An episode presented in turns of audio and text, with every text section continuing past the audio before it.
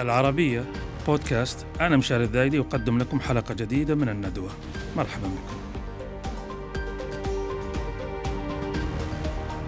نحن اليوم حديثنا في برنامج الندوة عن يوم التأسيس وهو اليوم الذي تم اعتماده آه، وتم الاحتفال به المرة الأولى وها نحن بصدد الاحتفال به للمرة الثانية من آه، شهر فبراير وهو بمناسبة تأسيس أو تولي الأمير محمد بن سعود جد الأسرة السعودية زمام الأمور في الدرعية عام 1727 هذا التاريخ يعتبر نقلة نوعية في الوعي التاريخي آه، السعودي.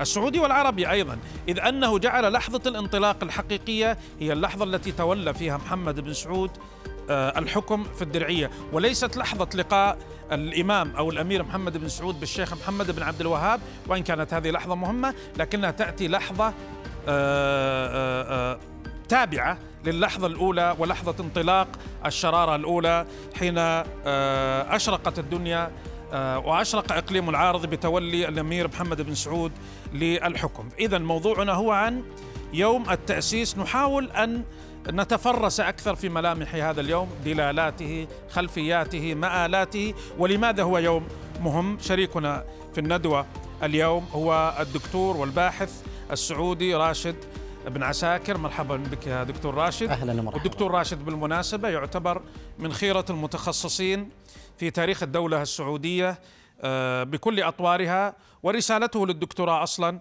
هي عن الدولة السعودية الثانية. ويملك كم آه، مميز من الوثائق التي تختص بهذا التاريخ. اذا آه، بادئ ذي بدء حينما نقول آل سعود والأسرة السعودية. ربما البعض لا يدري عن الجذور التاريخية لهذه الأسرة فهلا آه، وضعتنا في لمحة تاريخية تعطينا خلفية عن هذه الأسرة. طبعا الأسرة من الأسرات أيضا اللي كانت القديمة موجودة في منطقة العارض اللي هو الأسرة المالكة في جدهم الأعلى مانع المريدي وهذه الأسرة قديما كانت هنا في حجر اليمامة في الرياض. في الرياض في في تقريبا قبل القرن أيضا التاسع الهجري بعد تقريبا سنة 850 انتقلت هذه الأسرة إلى شرق الجزيرة العربية لما أيضا الصلات الموجودة بين أيضا هذه المنطقة وأيضا بمنطقة الأحساء. وكما نعلم أيضا ابن مقرب العيوني الشاعر الدولة العيونية في الأحساء كان هنا أيضا في الرياض في حجر اليمامة. ولهذا كانت له قصائد وأيضا التبادل الاتجاري وأيضا التبادل الحضاري فيما بين هذه المنطقة العارض وأيضا الأحساء. فالاتصال وادوات التواصل قريبة إما سياسيا وأيضا دينيا واجتماعيا وثقافيا واقتصاديا ولهذا انتقل أفراد من هذه الأسرة المالكه عندما كانوا هنا في حجر اليمامة انتقلوا إلى الأحساء وأستمر إلى أبناء عمومتهم إلى أبناء عمومتهم. نعم لأن هذه الأسرة تنتسب إلى قبيلة بني حنيفة وهذه القبيلة هي المسيطرة على هذه المنطقة منذ الجاهلية وأيضا الإسلام وحتى الفترات القريبة وإلى يومنا الحاضر. لأن هذه الأسرة هذه مواطنهم القديمة بكونها قبيلة حضرية حاولت أيضا الانتشار في هذا الوادي منذ ما قبل الإسلام إلى الفترات الحالية. فالشاهد هنا انتقال هذه الأسرة السعودية إلى الأحساء ثم بدأت المراسلات لم يكن اسمهم سعودية في ذلك الوقت. لم يكن جدهم الأعلى مانع المريدي. جدهم الأعلى فصار هناك تواصل.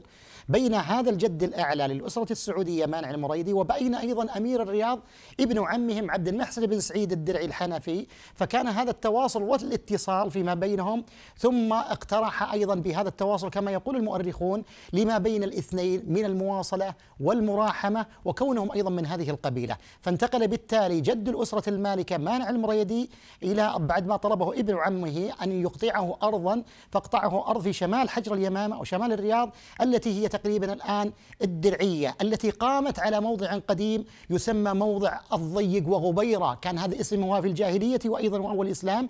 ثم تحول إلى المليبيد وغصيبة. وين المليبيد وغصيبة؟ المليبيد الآن في الدرعية تقع في الجهة الجنوبية منها في موضع يقال له العلاقية. وأما غصيبة فايضا في موقع الطريف من الناحيه الشمالية في يقال له في يعني الموضع الشاهد هناك غصيبة. فالدرعية تكونت من عدة أحياء كان اسمها قديم كما ذكرت الضيق وغبيرة ثم أصبح المليبيد وغصيبة وبعض الأحيان يطلق على المليبيد الملابيد بصفة الجمع أو المليبيد بصفة أيضا المفرد. ثم في هذه الفترة التاريخية انتقل أيضا جد الأسرة السعودية واستقر هناك مانع بن مانع مانع المريدي ابنه ربيعة انتقلوا سنة 800 تقريبا و50 من الهجرة وبدأ أيضا هذا الاستيطان إعادة الاستيطان أيضا لهذه المنطقة وبالتالي انتشر هذا الذرية هذه الأسرة. إذا و... هذا الموضع من الأساس وهو تسكنه أسر من بني حنيفة. صحيح صحيح. الذي صنعه مانع المريدي هو أنه أعاد إحياء سنة صحيح صحيح. موجودة وقديمة وكان هذا الوادي أيضا نفوذه أو النفوذ فيه لأسر بني حنيفة بدليل تسميته بني ولا شك وادي حنيفة. الميزة التي تقع على هذا الجانب بهذا الوادي وأيضا بما يحمله من الصفات أيضا الاقتصادية والزراعية وأيضا الحضارية هو قديم العهد يعني ليس جديدا. ولهذا أغلب المدن تقع على أطرافه في الجهة من الجهة الغربية أو الشرقية. نعم. ولهذا تأتي أهميته أيضا من ضمن هذه المنطقة. اي لأنهم وادي خصب بالذات أثناء هطول الأمطار وفي مصائد للماء. صحيح. وفيها مقومات حياة زراعية ورعوية وغير ذلك صحيح صحيح, صحيح. لو تحدثنا عن محمد بن سعود الذي الذي من اسمه نسبت الأسرة من اسم والدها بالحقيقة آه آه كم بين محمد بن سعود وجده الأعلى مانع المريدي هو بين طبعا مانع المريدي عندما بدأ الحكم أيضا والانتقال لهذه الجهة هناك أنجب ابنه آه، ربيعة ولهذا يخلط بعض المؤرخين أنهم يذكرون مانع بن ربيعه المريدي وهذا ليس صحيحا بل مانع هو الجد الأعلى وله ابن ربيعة وربيعة أيضا تسلسل منه عدد من الأبناء الحقيقة. بينهم تقريبا الفترة الحكم يعني من سنة 850 إلى في عام 1139 إلى فترة الإمام محمد بن سعود. استمر على إمارة الدرعية من هذين الفرعين آل مقرن أيضا الفرعين. المقرن تفرع منهم آل سعود. نعم وأيضا الجد الأعلى إبراهيم بن موسى بن ربيعة بن مانع المريدي الذي كان يحمي أيضا هذه المنطقة. وجدت له الوثائق أيضا في الدول الخارجية سنة 981 عندما كان أيضا يحمي هذه المنطقة. فمنذ ذلك التاريخ هذه المرحلة من سنة 850 إلى عام 1139 استمر أيضا هناك عدد من أفراد هذه الأسرة الحاكمة تقريبا العشرين شخص 20 شخص حاكم. بين نعم. محمد بن سعود ومحمد بن سعود هو الرقم 21 من حكام الدولة منذ جد وعلى حسب نظرية ابن خلدون م. في الأجيال تعرفها نعم صحيح كل ثلاث أشخاص من الآباء يعني صحيح. أنت وأبي ووالدك وجدك نعم. نعم. تشكلون 100 عام وقد يعني نسبة تقريبية نعم تقريبا وقد استثنى الرابع نعم إيه. ولهذا بدأت حكم الأسرة السعودية يعني ليس حكما قريبا انظر إلى الفترة التاريخية القديمة ربما من أكبر يعني أطول الأسرات الحاكمة في العالم أو في وق في واقعنا المحلي وأيضا الإقليمي. طبعا, طبعا. ولهذا من سنة 850 كما ذكرت إلى عام 1139 21 حاكم لهذه المنطقة ال 21 هو الإمام محمد بن سعود بن محمد بن طبعا هو 21 حاكم ليس بالضرورة أن يكون كلهم من آباء أو أجداد بس من أبناء عمومة أجداده وما لأن, إلى لأن الجد الأعلى الرابط والجد الأعلى الذي انتشر من هذه الأسرة في جدهم الأعلى إبراهيم وإبراهيم أيضا له السلطة نعم. وله القوة وله الوثيقة أيضا كما ذكرنا الذي كان يحمي الحجاج وتفرع منه أربعة طيب. أفرع رئيسية. أه أوكي. لماذا شخصية محمد بن سعود مهمة قبل أه أن يلتقي بمحمد بن عبد الوهاب؟ هو لا شك الفترات التاريخية التي أتى محمد بن سعود فيها الأمير محمد بن سعود. هناك أيضا الحقيقة نجد آه، هناك مصادر يعني لم تصل لنا الحقيقة لكن ربما بالتتبع التاريخي ندرك أهمية أيضا هذا الرجل. وهذا الرجل أيضا كانت هناك أيضا بعض الإشكاليات وأيضا بعض الحروب الدائرة في هذه المنطقة. ومحمد بن سعود هو آه، كان البارز في بها وعندما آه، توفي يعني أمير الدرعية عندما انتقالهم أيضا إلى العيينة ومحاولة أيضا كان التخلص من في في الدرع في العيينة لكنه انتقل بالتالي انتقل إلى الدرعية وجمعها في بمكان واحد كانند متفرقة المليبيد يحكمها آخر أناس وأيضا الفرع الآخر يحكم الغصيبه آخر. فاستطاع محمد يعني يعتبر محمد بن سعود أول من وحد أول من وحد أجزاء الدرعية. هذا المشروع الوحدوي الأول. نعم هذا بدأ من العاصمة نفسها. نعم ولهذا هذا المشروع ترتب عليه أيضا اتصال وتواصل أيضا اجتماعي وأيضا لم هذه القرى المتفرقة في الدرعية. تبع ذلك أيضا محاولة بن محمد بن سعود أيضا أيضا بالتواصل مع القوى المحيطة فيها في هذه المنطقة وكانت من أهم التواصل هنا في مدينة الرياض، لكن كانت هناك خلافات أيضا سياسية بين الرياض وبين الدرعية. مم. تمكن أيضا حكام بعض حكام الرياض من الاعتداء أو قتل بعض حكام الدرعية. في ذلك الوقت نعم. كان حاكم الرياض هو الحاكم الشهير دهان بن دواس دواس لا قبل دهان بن دواس كان هناك الحاكم بن زرعة وهو أمير الرياض ولهذا كان ب- ب- قام بقتل أيضا آمير الدرعية زيد بن وطبان قتل في تقريبا عام 1106 قبل الإمام محمد بن سعود ب 32 سنة. ولهذا عندما تولى دهام الحكم في منفوحة وعند طرده من منفوحة واتجاهه إلى الرياض رأى محمد بن سعود كتب دهام بن دواس إلى محمد بن سعود أن أهل الرياض قاموا ضدي فأريد أيضا هذه القوة منك أن ت- تقوم ب- بدعمي. فتولى الحقيقة محمد بن سعود فأرسل جيش إلى بقيادة أخيه مشاري فأحكموا السيطرة على الرياض وجعل دهام بن دواس اميرا على الرياض. هو هو الإمام بسبب بن سعود. بسبب نصرة محمد بن سعود لدهان بن دواس تمكن نعم من حكم الرياض من حكم ليه؟ لأن محمد بن سعود أدرك هناك خلافا سياسيا قبله في مع حكام الرياض لأن الحكام الرياض اعتدوا أيضا على الدعية بالتالي كان دهان بن دواس أيضا في منفوحة فتمكن بالتالي هذه لحظة. مهمة ولها دلالة مهمة أمير الدرعية محمد بن سعود بعث بعثة عسكرية إلى أمير الرياض دهام بن دواس لمساعدته صحيح. آه كيف تم هذا الأمر وماذا تفهم منه؟ هو ال- ال- ال- المساعدة العسكرية طلبها دهم بن دواس من الإمام محمد بن سعود فكان أيضا الإمام محمد بن سعود لديه تطلع أيضا في محاولة لملمة أيضا هذه الظروف المحيطة أيضا الجوانب الأمنية وأيضا مد السيطرة على هذه المدينة الرياض وهذا اللي تحقق الحقيقة بالتالي عندما أيضا ولعل هذا يذكرنا أيضا بفكرة أيضا جد الأسرة السعودية إبراهيم بن موسى بن ربيع بن مانع عندما كان يحاول أن يمتد شمالا وأيضا أن يقضي على أيضا الخصوم في الجهات الشمالية في القرن العاشر الهجري وتوسع أيضا في, في, في, في تلك الناحية فالمقصود أنه قضية أيضا محمد بن سعود في جزء من هذه الأمور أنه يريد أيضا ضبط وأيضا علاقات تقوية أيضا علاقاته الجانبية أيضا في المدن الم- القريبة وأيضا مد أيضا ال- الأمر أو العامل الأمني الذي يريد أن ينظر له أيضا في عند هذا العامل الرياض. الأمني ننتقل لل للجزء آخر من الحديث، اذا هذه ممكن نلخصها ما تفضلت فيه. محا... محا... محاولات محمد بن سعود وجده الأعلى إبراهيم بن موسى. ضمن أنا أسميه الجينات السياسية، يعني هذا الأمر يدور في جيناتهم السياسية محاولة إيجاد نوع من أنواع الوحدة والسيطرة. لكن الانفجار الكبير، الانفجار بالمعنى الإيجابي هو نشاه الدولة السعودية الأولى الحقيقية. لماذا نشأت الدولة السعودية الأولى؟ وما هو وما هي الأصوات التي كانت تطلبها؟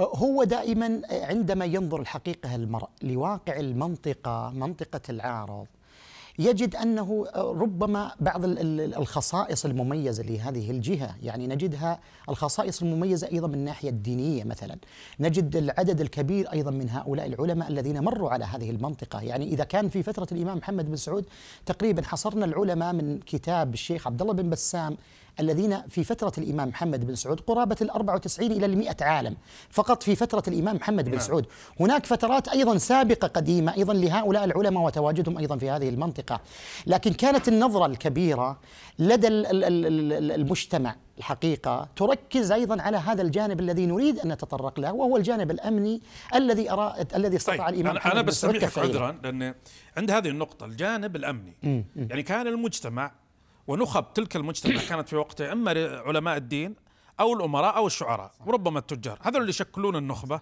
والبقية مجتمعات بال- تقريبا يعني. لفتني ما- مقالة كتبها عالم الاجتماع السعودي أو عالم الأنثروبولوجيا والمؤرخ و العالم الج- الكبير الدكتور سعد السويان كتب عام 2009 يحاول أن يقرأ من خلال الشعر النبطي آه، كيف كان أهالي نجد بالدرجة الأولى يتطلعون إلى نشأة كيان سياسي يلم شتاتهم. هو استعرضها من خلال آه، ثلاث نماذج. شعراء بعضهم لم يدرك الدولة السعودية وبعضهم أدرك بداياتها. الذين لم يدركوا رميزان بن غشام من آه، سدير من منطقة سدير وجبر بن سيار من منطقة ال- القصب أو قرية أو بلدة القصب آه نقول مدينة اليوم عشان ما يزعلون. نقول مدينة القصب في إقليم الوشم والثالث أيضا من, من نفس البلدة الشاعر الشهير حمدان الشوير بس حمدان أدرك بداية الدولة الأولى. الدكتور سعد استعرض أشعار هؤلاء وهو تعرف ضليع في تدوين الشعر الشعبي وقراءته.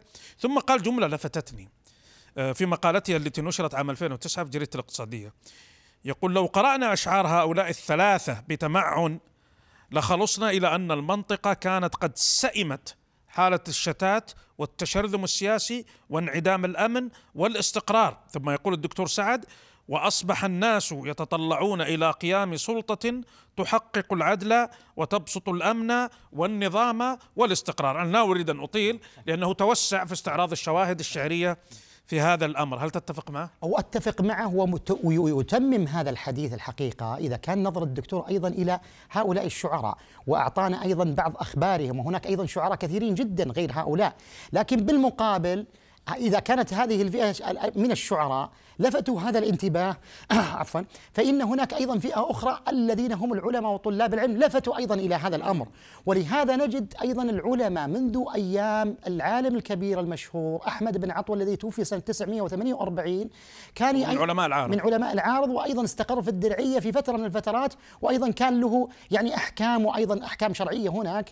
فانتقل إلى الشام فكان يذكر لي أيضا علماء الشام في تلك الفترة واقع الحالة الأمنية في هذه المنطقة وما هي الأحكام التي ستطبق؟ وكذلك أيضا لدينا فتوى مشهورة يعني إذا كان نظرنا في هذا الجانب الأمني هناك فتوى مشهورة لعالم الرياض الشيخ عبد الله بن محمد بن ذهلان. كانت متى توفي؟ الشيخ عبد الله بن محمد بن ذهلان توفي تقريبا في عام 1900 1099 في ذي الحجة. آه قبل الدولة نعم قبل الدولة وأيضا قبل قيام الدولة وأيضا لكن كان تأثيره هو المجدد أيضا الثاني أو الثالث للعلماء الحنابلة في هذه المنطقة. فكان تعرض عليه القضايا أيضا الأمنية يعني إذا كان تعرض عليه القضايا الأمنية في كتاب مشهور اسمه الفواكه العديدة في المسائل المفيدة للشيخ أحمد بن محمد بن منقور الذي توفي في سنة 1125 فحمل هذا الكتاب أسئلة وعجائب وغرائب وفرائد أيضا للحالة الواقعة في هذه المنطقة. مثلا؟ مثلا يشير أيضا هذا العالم يسألونه الناس يقولون ما رأيك يا شيخ؟ كيف يستطيع الناس الحج ونحن لا نستطيع الأمن؟ فهل يجوز أيضا أن نستأجر أناس يحمون أيضا مسيرتنا لهذا الاتجاه؟ فقال الشيخ نعم يجوز, يجوز لكم ذلك وهؤلاء يسمون الرفق. مم. الرفق يعني يرافقه في الطريق فيدفع عليه مبلغ الحماية. مم. هؤلاء يدفع عليهم مبلغ الحماية ليتجهون إلى الأراضي المقدسة. هناك أيضا الشيخ عبد الله بن محمد بن دهلان له فتوى أيضا كان الشيخ رميزان بن غشام شاعر مشهور توفي تقريبا قتل سنة 1970 فكان الشيخ أيضا جاء روضة سدير روضة سدير نعم. فكان أيضا هناك إشكالات فكانوا يسألون الشيخ يقول من ينفذ هذه الأحكام وينشر العدل؟ فيقول الشيخ أنا أفتيكم بجواز قتله لأن لا أحد الحقيقة يستطيع تنفيذ مثل هذه الأحكام فالناحية الأمنية كانت الحقيقة هم جملة لا أحد. نعم. يعني هو بوصفه عالم أو رجل دين يعتقد أن هذا الرجل أو الأمير في هذه القرية نعم أنه ظالم ويظلم الناس. فيقول لكن لا, لا يوجد سلطة مركزية نعم تنفذ نعم هذا الأمر. فيقول بالنص لا أشك في قتلة رميزان. مم. يعني لا أشك ليه؟ لكان ما كان هناك قوة وسلطة سياسية تجبر هؤلاء على أيضا الأمن والأمان الذين يعني الذي يتطلبه هذا المجتمع. ولهذا لدينا القاعدة الأساسية في قيام الدولة والعنصر الكبير أنه الجانب الأمني هو اهم عامل لقيام الدولة لأنه الناس أنا أذكر لبعض الإخوة يقولون ربما تجاوزت الجانب الديني أو الجانب أيضا الدعوي. نقول لهم نحن نفقد الجانب الأمني ولم نفقد الدين. الدين منذ وصول هذه الرسالة المحمدية صلى الله عليه وسلم أيضا إلى هذه المنطقة انتشرت وأصبح الناس أيضا في الإسلام ومطبقين للتعاليم والأركان. فكيف تقول لي أنه جدد الدين؟ أنا أقول الدين موجود ثابت وآبائنا وأجدادنا. والدين إذا أخذنا جانب الفقه القانوني اللي هو الفقه والقضاء نعم. هو هذا اللي في اتصال مباشر بحياة الناس غير الأحكام الشخصية صحيح. صحيح. الوضوء الصلاة هذا الجانب يعني مثلا النزاعات التجارية صحيح. اللي هو الجانب التشريعي والقانوني لابد له من سلطة. صحيح. وهذا الجانب الذي كان يفقده في يفقد في هذه المنطقة لأن الأمراء في هذه المنطقة عندما بدأ أيضا محمد بن سعود بفكرة التنفيذ وأيضا تطلع للسلطة وأيضا بث القوة وأيضا النفوذ للبلدان المجاورة الرياض ثرمدة الخرج شعروا هؤلاء بأن هذا النفوذ سيؤثر عليهم ولذلك واجهوه بالقوة. ولهذا نجد في الكتابات أظن في أبيات الحمدان الشويعر تحدث عن فساد بعض القضاة. أي نعم القضاة يأخذون صحيح, صحيح الرشاوى بخشيش وكذا لا يحضرني البيت. وجزء منهم أيضا لكن كانوا يعني وشيوخ يعني أيضا بقصائد الرميزان أيضا يشير إلى الحالة الأمنية التي كانت سائدة في هذه المنطقة وأيضا معاناة الناس في هذه الحالة. ونقول أن المجتمع دائما حتى في قيام انطلاقة الدولة السعودية ومشروعها التوحيدي وأيضا نشر الأمن لا يمكن أن نكون رغم النصوص الموجودة الآن لا يمكن أن نقول والله محمد بن سعود انتقل إلى هذا البلد لكي يفعل مثلا يزيل القبر الفلاني أو كذا الصنم الفلاني. كانت الانتقال محاولة لملمة هذه الأطراف وأيضا إدخالها بالقوة تحت نفوذ واحد. ولهذا شعر أيضا هؤلاء الأمراء بهذا الشعور أنه سيفقد أيضا نصيبه من الحكم. لكن محمد بن سعود عنده لديه تطلع كبير للسيطرة على هذه الجوانب والدرعية كان لها خصوصية أعتقد حتى لا يعتقد الناس أن نرمي الكلام جزافا. يعني قبل آه، لقائه بالشيخ محمد الدرعية قاومت نفوذ آه، حكم الأحساء, حكم الأحساء، صحيح. وهي الإمارة الأحساء الإمارة الخالدية إمارة الأحساء. كانت أقوى إمارة صحيح. في وسط وشرق الجزيرة العربية ومع ذلك استطاعت الدرعية أن يعني تتمتع بنوع من الحكم الذاتي. صحيح وأن تخرج عكس بقية البلدات وأي. وأيضا نجد لها صراعات أيضا في هذه المنطقة في القوى الم- ال- ال- المحلية أيضا بقيادة أيضا محمد بن سعود وأيضا يعني ال- الدرعية كانت فترة من الفترات أيضا هناك عدد الحقيقة من العلماء وأيضا هناك من الدعاة موجودين في الدرعية يعني إذا بدأنا من محمد مثلا من الشيخ أحمد بن عطوة إلى أن نصل إلى علماء أسرة الباهلي علماء أسرة الباهلي سليمان الباهلي وكانوا أيضا بارزين أيضا في هذه المنطقة في أيام الإمام محمد بن سعود وقبل كلهم الإمام حنابلة. طبعاً. كلهم حنابلة نعم نعم صحيح. طيب على كل حال آه، أنا أعتقد إنه ال- ما زال في الجعبة بقيه ولذلك أستأذنك دكتور راشد أن نكمل الحديث في حلقة ثانية لأن ما آه، أحس إنه الأمر لم نشبعه حق آه، حقه آه، المستحق يعني.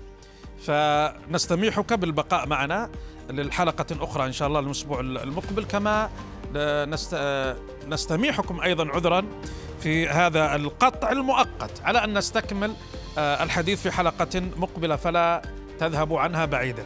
إلى اللقاء.